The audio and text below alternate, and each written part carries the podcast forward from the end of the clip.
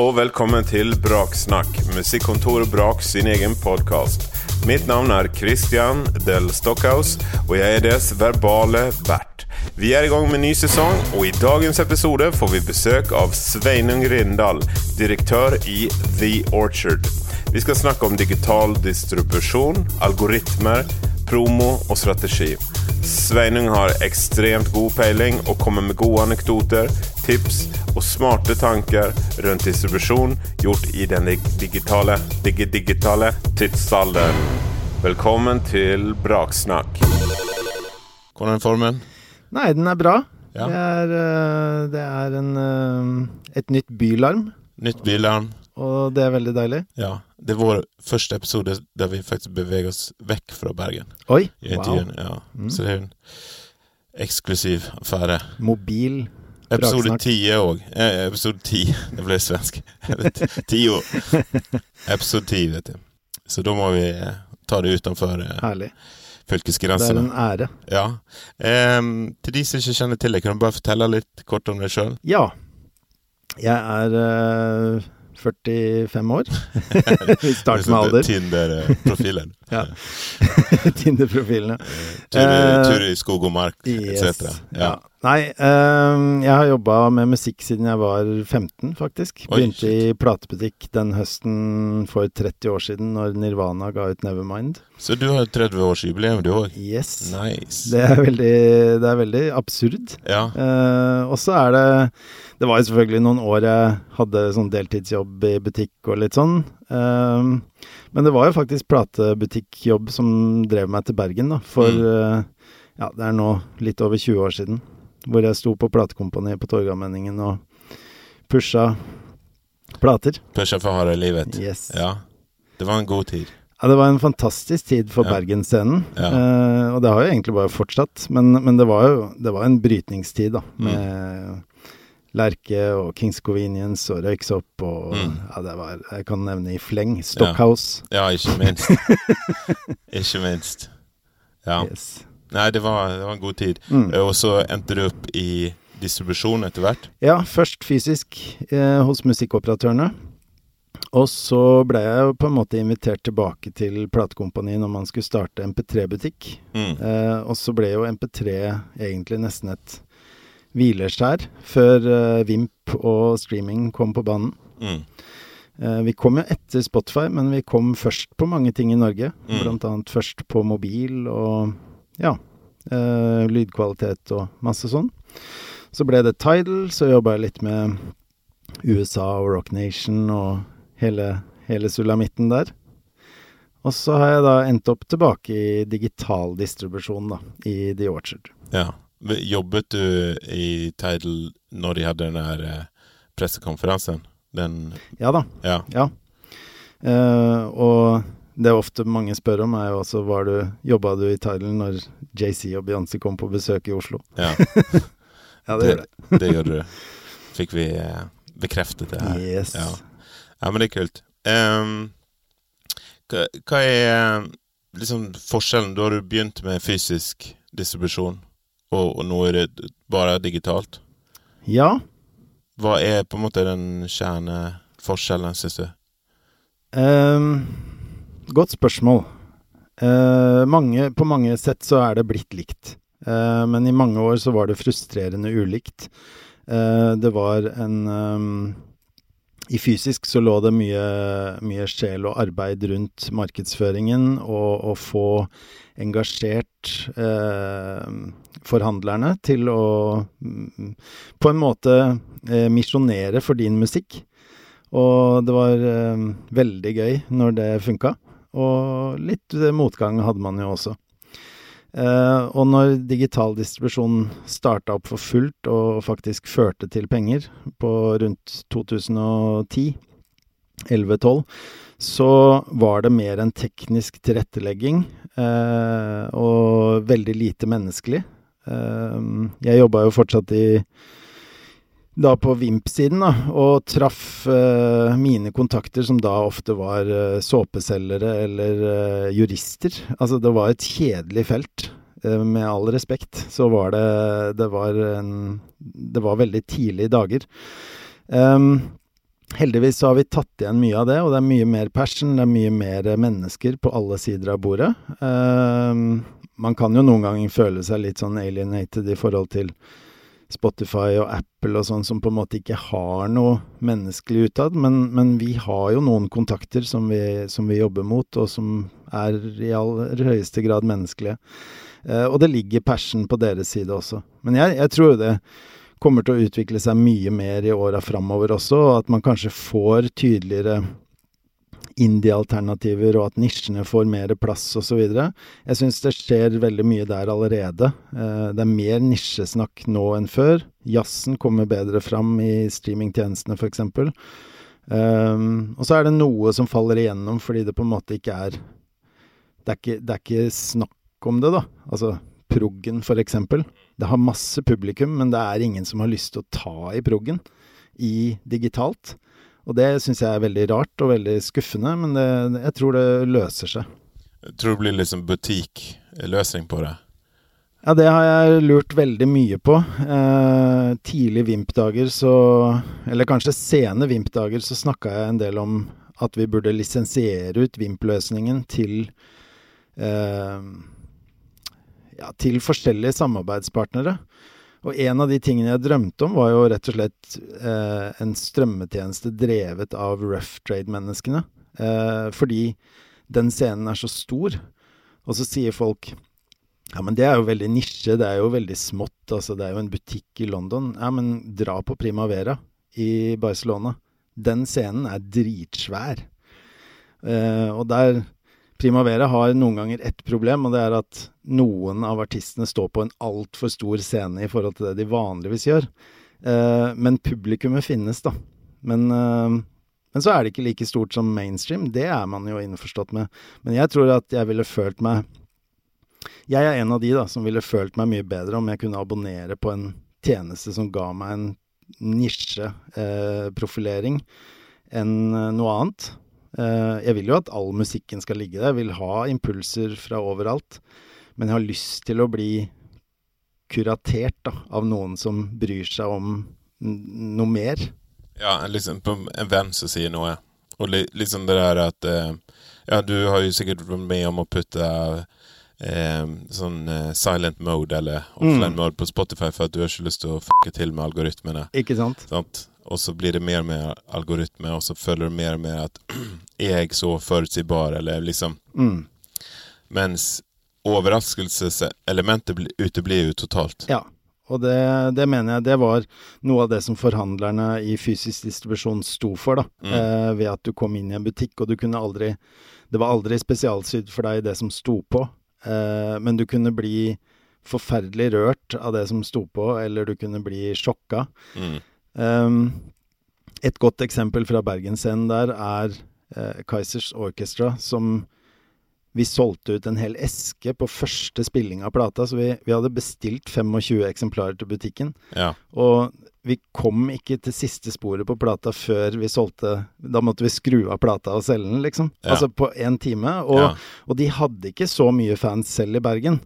Eh, men da var det jo bare å bestille 100 og 200 og Men det er den klassiske high fidelity-scenen. Mm. Når han sier 'nå skal jeg selge denne platen', og så setter han på det i butikken. Yes. Men det er liksom 'nå skal jeg selge denne esken'. ja, og det skjedde ikke mange ganger. Det, det, der, der traff Kaizers et eller annet enormt i tiden, som vi alle vet. det var jo kanskje noen flere veier inn til band på den tiden. Ja rett og slett. Mm. Eh, om det så var at man bare gikk og sjekket band uten å ha sjekket det på forhånd og fikk en bedre introduksjon mm. enn å sitte og høre ti sekunder på hver låt og tenke nei. Ja. Du fikk en opplevelse. Du begynte med en opplevelse, da. Det gikk saktere, som uh, man alltid kan si om fortiden. Mm. Uh, men man hadde også en nysgjerrighet som man Eh, jeg tror mange føler på en nysgjerrighet selv i dag, men den blir umiddelbart stilt, da. Mm. I forhold til før. Så eh,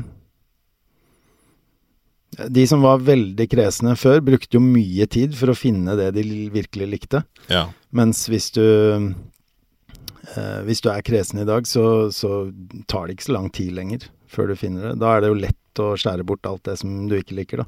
Ja. Det er vanskelig å sitte på på toppen av eh, kred-haugen. Mm, mm.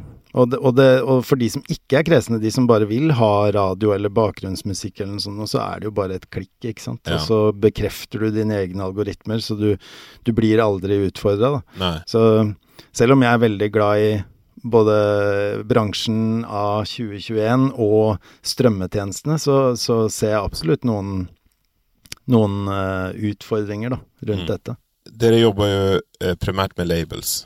Mm. La oss si man har etablert en label og har en diskografi. Hvordan er på en måte kontakten eh, mellom dere og, og de? For dere er jo bindeleddet mm. til strømmetjenestene. Mm.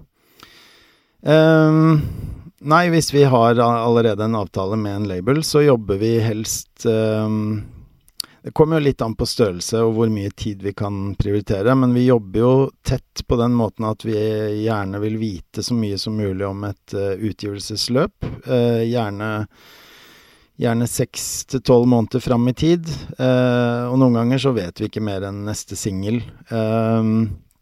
og så handler det jo på en måte om å få mest mulig ut av utgivelsene. Uh, og så er det noen ting vi ser funker, og noe vi, noe vi på en måte ikke får gjort, hjulpet så veldig mye, da. Um, men i den prosessen, hvis vi, liksom, hvis vi, er enige om at dette skal vi jobbe godt med framover, så, så handler det om å få på plass det man kaller drivers, eh, som er på en måte et I gamle dager så hadde man jo et eh, salgsskriv som man sendte til butikken, og der sto det gjerne lista opp. 'Har blitt mye spilt på P3', eller 'Skal spille på Bylarm', Uh, og har et stort publikum i Stavanger. Altså alle disse små tingene som gjør at uh, leseren mottar en beskjed om at dette er, dette er, en viktig greie. Gode argumenter, kan man si. Ja, mm. gode argumenter, rett og slett. Uh, og det er det som tjenestene etterspør. Fordi det kommer et Altså, jeg har ikke tallet nå, jeg, men det var jo oppe i 30 000-50 000 låter per dag eller noe sånt nå for, eh, for, et år siden. Så man konkurrerer jo med veldig mye. Men eh, det er lite som konkurrerer med norsk musikk hvis man har eh, et definert publikum i Norge. Så det er gode muligheter for å stikke seg fram blant de 30 000 låtene, da. Så som eh, artist og label så bør man ikke bare tenke på musikk og image og eh, ja, på en måte de kreative bitene, men også faktisk tenke på hva er mine salgsargumenter ja. mot en tjeneste. Ja, å tenke på publikummet, det er jo det er noe jeg har uh, gjentatt mange ganger de siste årene. Det er at man må være uh, spesifikk på hvem er publikummet ditt. Og det handler eh, på en måte både om å gjøre det lettere for deg selv, istedenfor å si at ja, mitt publikum er fra 8 til 80. Eh, da har du et problem, for hvordan skal du nå alle disse niåringene, f.eks.? Ja. eh, 70, 79 og 9-åringer faller helt utenom. ja, de, de, faller ut. Ja. Så begrense et publikum, og så finne ut hvor, hvor er det publikummet mitt? Er det på TikTok, eller er det på Instagram, eller er det på Facebook? Eller er det kanskje på Twitch, eller noe sånt? Mm. Typ, no, nymotens. Mm. Og du vet jo egentlig innerst i hjertet hvis du ikke har noe å gjøre på TikTok eller Twitch. Mm. Um, så jeg tror det handler litt om å på en måte både definere seg selv og, og definere publikummet ditt, da. Mm. Og så handler det om da å begynne å bygge dette publikummet, og jeg møter jo også ofte eh, holdningen at nei, jeg orker ikke sosiale medier. Altså den der Instagram-profilen, den er litt sånn privat, den. Og da har man egentlig ikke skjønt hvor vanskelig det er å jobbe opp et publikum i 2021. Og pandemien har gjort det enda viktigere. Um, og jeg ser jo noen profiler, jeg trenger ikke å nevne navn der, men jeg ser noen profiler som er på Ja, som har passert 40, og som er veldig gode på sosiale medier. Som på en måte er litt unntaket, da. eh, og de gjør en veldig god jobb, og de bygger videre et publikum som er trofaste og lojale, og da vet du at her kan vi reise på turné neste år òg. Mens eh, hvis man ikke gjør den jobben, så, så, er den hiten du hadde på P3 for ti år siden, er egentlig litt glemt, da. Du snakket litt om uh, tydelighet. Tenker du nå uh, Altså, man, tidligere så ble man kanskje mer definert ut ifra uh, hvor man var. Det var altså hvor man kommer fra. Det var færre sjangre, og plateselskapet man var på, var veldig med. Altså Hvis du var på touch and go, så Mm. var det på en måte en eh, godkjenning. Og der kan jeg investere i. Eh, noe som jeg tenkte på når jeg forberedte meg til denne intervjuen, er det mer sånn at du faktisk må tydeliggjøre Kanskje allerede når du er i studio, i forhold til hvor du skal ende opp hen på spillelistene. Altså at du eh, velger instrumenter eller tempo, eller at du har det i bakhodet for å passe inn. Det er en helt syk tanke. Ja. Nei, det er jo et, Det er jo også et godt spørsmål. Jeg tenker jo at det er, det er to retninger der, da. Det ene er jo å gjøre det som er forventa, eh, og hvis du gjør det veldig godt, nettopp med en kanskje personlig twist, eller at du gjør noe nytt, men du holder deg innenfor et format, så gjør du jo ting riktig. Og, og man skal ikke snakke ned det, for det er utrolig mange produsenter og artister som jobber på den måten. Um, og der, der stemmer jo helt det du sier. Uh, mens på den andre siden så har du de artistene som jobber med I hvert fall overfor seg selv så prøver de å være så ærlige på at de jobber med et uttrykk uavhengig av hvordan det skal funke på spillelister og sånne ting. Og at det er et friere kunstnerisk uttrykk.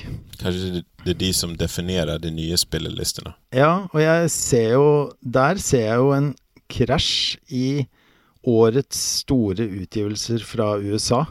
Eh, for jeg syns eh, Lana Del Rey, Lordi og eh, Billie Eilish, for eksempel, har gitt ut tunge, tunge album med lange, Mm. eh, saktmodige låter. Mm. Og så ja, de funker på spillelister, men det er nesten som en eh, Det er nesten som en protest. Ja. Eh, og jeg syns det er skikkelig digg. ja, det er uventa. Ja. ehm, jeg er jo mer glad i noen av de platene enn andre, men, men jeg syns de er uttrykk for noe i en tid som Nei, jeg gidder ikke å være med på det racet. Mm. Og i, ok, så gitt at de er så store, så får de masse streams allikevel. Men det definerer også den ungdommen som vokser opp i dag, som gjør at de vokser opp med eh, Jeg føler at norsk lokal pop har mye å, å hente og lære av produksjonsmåtene rundt omkring akkurat nå, da. Fordi at eh, man blir satt litt på prøve. Man kan ikke gjøre det akkurat som i fjor, eller akkurat sånn at den låta kommer til å funke på akkurat den spillelista. Um, så jeg håper folk framover tør å gjøre ting på egen hånd. Uh, eller ting på egen hånd. Eh, at, jeg håper at folk, liksom. ja, jeg Ja. håper at folk tør å gjøre eh, dristige ting da, Mm. med lyden sin og lydbildet og instrumentering osv. Absolutt. Um, dataanalyse, da. Det er jo en del av det her. Mm. Hvordan kan man jobbe med det? Ja, det er jo eh, Data er veldig nyttig hvis man har en god del av det. Eh, det kan være vanskelig å komme i gang. Det kan være motløst å se på en kurve som går fra 242 følgere på Spotify til 270, eh, Mm. og vite at ja, ja, nå fikk jeg noen flere. Um, men man skal vite det at man kan eh, først, hvis dataen er lave, så må man finne ut hvor er det det beveger seg i det hele tatt, og så Mm. begynne å eh, massere på en måte de tingene der, da. Ja. Hvis man er av den typen som syns dette er interessant. Mm. Eh, jeg, der også har jeg jeg har tro på at det er en litt sånn nerdeting som noen syns er interessant, og noen syns ikke er interessant. Og for labelene så mener jeg at det bør være interessant. Mm. For artistene så mener jeg kanskje at det ikke bør være for interessant, da. Nei, det kan være en, sånn, eh, en spiral som Det kan være en spiral. Men hvis du begynner å få mye data, mm. så er det utrolig mye du kan lese ut av det. Du kan lese ut hvilke land du har eh, gjennomslag i. Eh, du kan få vite mer om publikummet ditt som du kanskje ikke visste. Eh, og du kan eh, markedsføre og se resultater. Ja, det er, det er enorme muligheter. Og, og det, som, det som er morsomt nå med alternative inntektsstrømmer som vi ser på, da, det er veldig lett å tenke at det vi jobber med, det gir inntekt fra Spotify, Apple, Tidal, eh, YouTube Music osv. Um, Facebook eh, og TikTok er jo to veldig interessante inntektskilder som eh, også gir eh, annen type data, og som gir veldig spennende data. Så um, hvis man er nerd, så kan man dykke veldig mye ned i den type ting, da.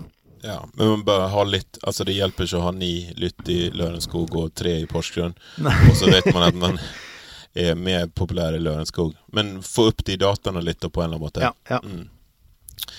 Eh, hva er den viktigste, nei, den vanligste utfordringen dere møter i kontakt med labels? Altså på en måte de frustrasjoner som de har?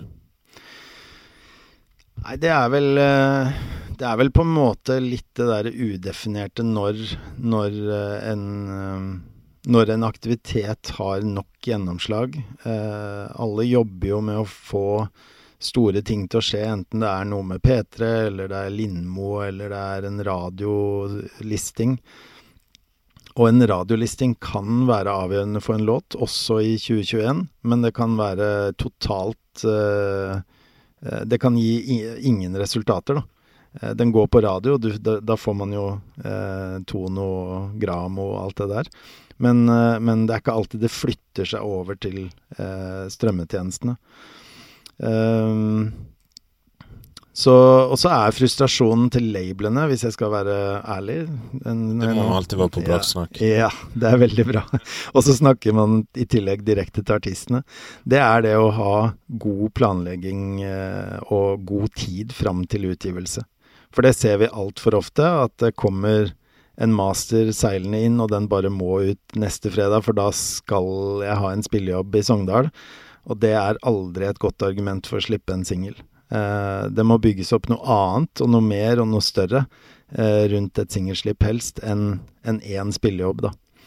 Eh, så da vil jeg heller putte den i banken, hvis man kan bruke det uttrykket, og hatt den liggende et par måneder, mens labelen gjorde det arbeidet som trengs rundt utgivelsen. Som en ung, nyetablert artist, hvorfor skal vedkommende vente i, i et år eller ni måneder når på en måte man leverer master da, til at den skal bli gitt ut? Hva skjer i den tiden? Nei, det, det, er jo Det er et veldig godt spørsmål, da. Eh, hvis man er ambisiøs, så bør man jo på en måte tenke at man har mulighet til å gjøre noen ting. Enten det er å eh, jobbe med en eh, turné. Det er, det, er, det er, så slemt å snakke om det rett etter pandemien, men ja. uh, om et år så er det et veldig godt tips, da. Ja. Uh, å tenke på den type ting, eller at man uh, Kan man ha et Altså, kan man ha et release-party for en singel, eller kan man gjøre noe mot radio for å bli spilt? har man gjort alle de tingene som, som trengs, egentlig? Hvis man jobber som et label selv, da, f.eks., så er det jo lett å tenke at ja, nå har jeg fortalt alle vennene mine om denne, men, men, er det noe mer jeg kan gjøre, da? Og hvis svaret på det er nei, så er det jo rett og slett bare å gi den ut, selvfølgelig. Men allikevel så ser vi at ting kommer noen ganger så sent inn at det feiler på releasedato, og så blir artisten sur, og så er det liksom ja, men det er, tjenesten er ikke alltid på stell liksom to dager før, da. Ja, Så moralen er at det hjelper ikke å sette releasedato om fem måneder og så bare sitte og vente på den utgivelsen? Nei, da er det ikke noe poeng. Eh, men, men, det veldig mange sier til meg, er f.eks. hvis de holder på med jazz, da. Eh, jeg vet ikke om jazzere hører på jo, jeg tror jeg har to-tre jazzfans. Ja, men nå skal jeg snakke direkte ja. til de nå. Ja. For de sier ofte at eh, ja, men eh, det, Jeg får jo aldri musikken min på noen spillelister. Men nå har faktisk eh, Spotify og Apple jobba veldig bra med jazz, også i Norden, de siste månedene. Og og da syns jeg det er veldig viktig at vi får den tiden som trengs, da. For vi, vi møter en frustrert person hos oss eh, som jobber med jazzen, hvis, eh, hvis, ting ikke er godt planlagt, da. Så, og der trenger man ikke å være stor. Altså, vi jobber jo med labeler som Hubro Rune Grammofon og sånne type ting, men vi har også noen små kontoer med egentlig artister som er liksom eh, relativt nye som får spillelister, og som ser gode resultater av det.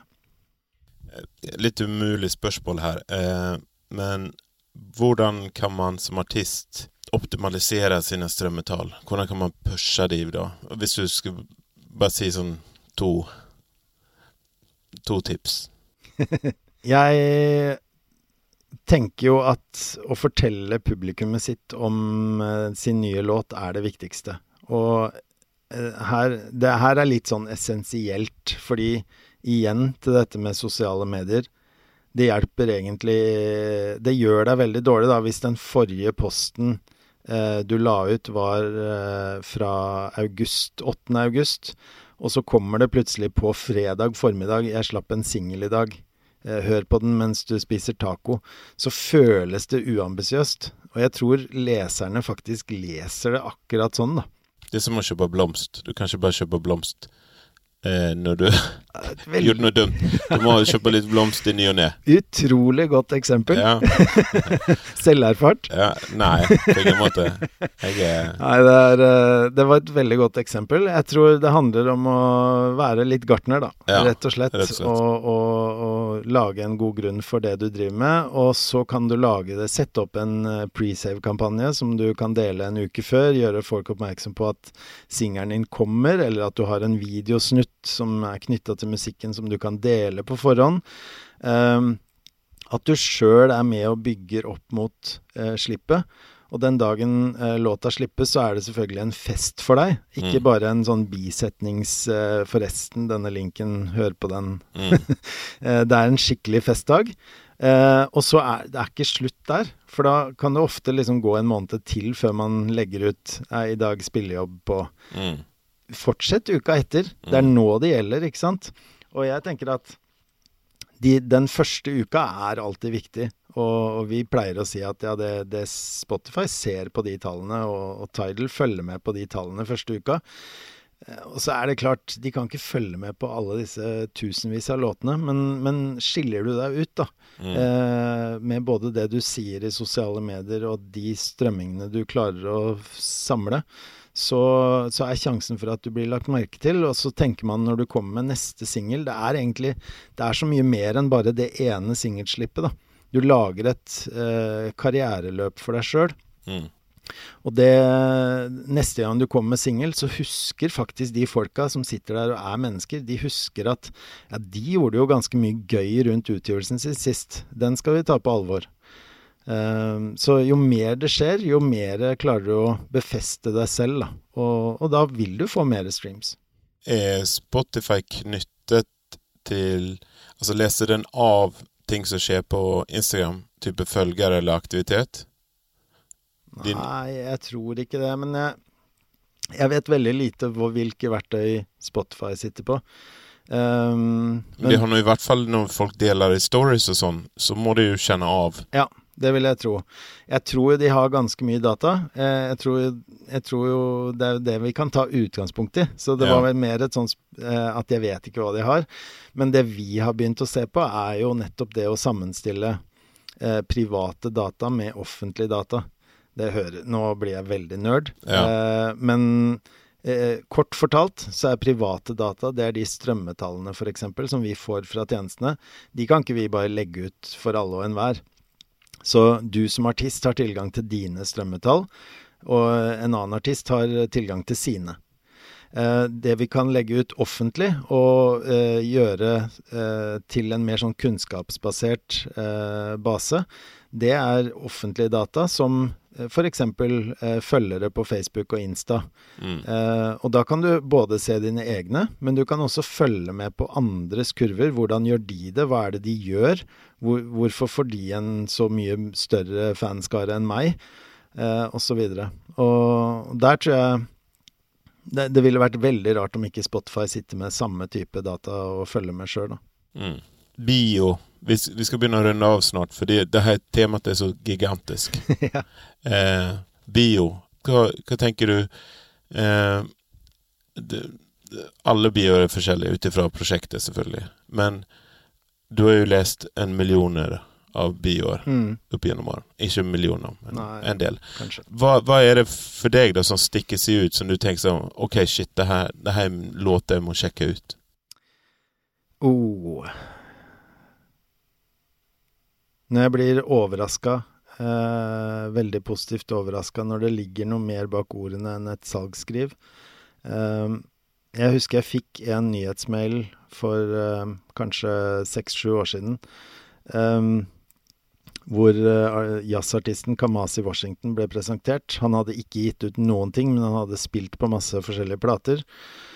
Uh, og det var en nesten syrete tekst, for han var jo et litt sånn syrete amerikansk jazz- og hiphop-miljø.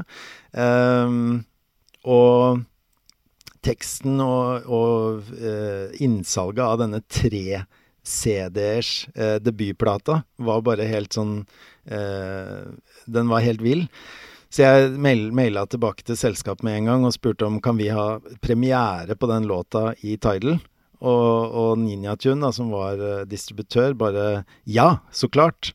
Så, og det var en uh, 16 minutter lang jazzlåt som lå da på forsida av Tidal en hel dag. Ja, det var. Og Kamasi ble dritsvær. Ja. Altså, det, var det, det sto ikke i det skrivet at han var i ferd med å breake, liksom. Nei. For det, det tror jeg kom som en overraskelse på alle. Ja. Han, var, jo- han er jo en del av den LA-scenen Ja. med Flying Lotus og Yes. Kendrick og Thundercat og Thundercat. Ja. Det er han som er mest syrete av alle sammen. Fantastiske musikkvideoer. Ja. Ja, nei, det er, det er en kjempegjeng, og, og det er jo um, Det er jo noen av de som har eh, rett og slett eh, Det er liksom nevøen til gamle jazzmusikere. Altså, Ja. det, er, det er virkelig heritage. ja. Eh, men de har også definert hva som er kult for seg. Altså, vi snakket tidligere om om man skal tenke på liksom lyder eller arrangement i forhold til å passe inn i en spilleliste. Ja. Her er det folk som har gått helt motsatt vei mm, og definert sjøl, ikke sant? som kommer inspirere masse folk videre. Helt, helt klart. Jeg tenker en ting til om bio som jeg har lyst til å si, det er jo Hvem er du da som artist, eh, og hvor tilhører du? Apropos det du snakka om der, den LA-scenen. Fordi eh, hvis man tar den Bergen-scenen, så har den i mange forskjellige eh, varianter eh, vært eh, en måte å selge nye artister på. Altså Jeg vet ikke, eh, om eh, man kan si eksempel eh, at denne Aurora og Sigrid s- eh, har jo generert nye artister på samme måte som Sondre og Mathias Telles genererte én type artister eh, 10-15 år før. Så det skjer, det skjer mye i forskjellige miljøer, og akkurat nå så er det jo et sånt Oslo-miljø med eh, rundt eh, Fie og, og Mallgirl og eh, disse Nothing Personal som spilte på Vill Vill Vest, som bare er sånn Hæ, spiller de i det bandet også? Eh, vokalisten i Mallgirl er med i Tiger State. Altså, bruk det for alt det er verdt. For det er jo bare å si Seattle. Eller Bergen. Eller Absolutt. Tromsø. Så har du på en måte knagger, da. Mm. Og det tenker jeg på er en Det gjør det bare lettere for publikum og mottaker og strømmetjeneste å tenke ja, shit, det her må jeg sjekke ut. Så noen ganger kan det være kult å være han ene som ikke henger med noen. M83 type Ja. ty studiomusiker som Ja, jeg veit ikke, jeg har sett han live òg, men Ja. en sånn rar person som Mm. bare gjør alt sjøl. Eh, men andre ganger så er det kult å definere deg som en del av mitt, et miljø, og, og utnytte det, da. Mm, en god knagg. Ja. Og så kanskje Og der kan det være vanskelig, men å finne det som er unikt ved deg sjøl. Mm. Eh, og det kan være alt fra musikalsk, men også historie, eller hva som helst, egentlig. Og spill med masse folk, fordi Ja. det er sånn du utvider miljøene. Én Mm. ting er hiphopere er jo featuring her og der og Mm. sånn overalt, men akkurat det andre miljøet nå er jo veldig sånn norsk musikkhøyskolepreg. Ja. Eller Norges musikkhøyskolepreg. Ja. Hvor, eh, hvor man bare deler på ressursene seg imellom, og så blir det dritbra, liksom. Mm.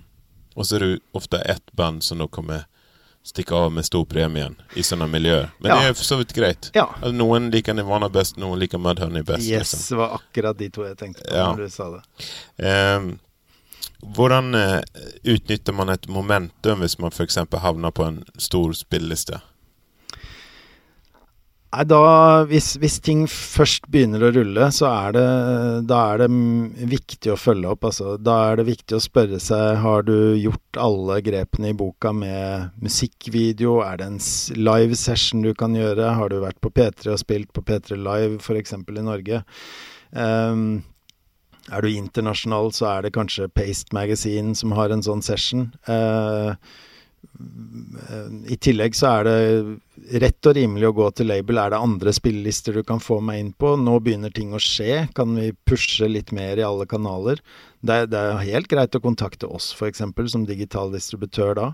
Um, så, men de aller fleste tar jo kontakt og sier det skjedde ingenting, kan dere pushe litt ekstra? Så det er liksom det er Når det virkelig begynner å rulle, det er da man må, eh, må fokusere og gjøre jobben, da. Du må slippe alt du holder i, Yes, og bare egentlig. gå Ja, eh, go with the flow. Nei, eh, det er jo ikke noe mønster, ikke sant, så det kommer litt an på hvilken sjanger du snakker om, og hvilken, eh, hvilket publikum du har, da. Eh, for bare et eksempel så har på en måte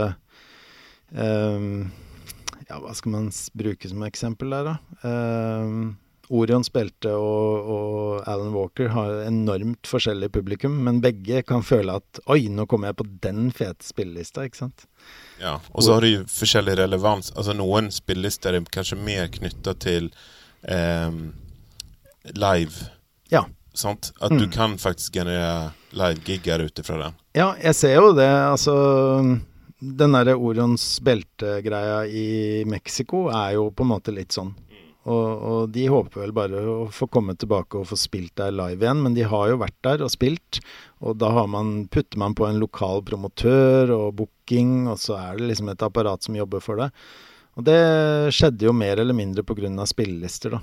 Så, så alt avhenger av hvilken type artist du er, og, og, og hvor du skal, rett og slett.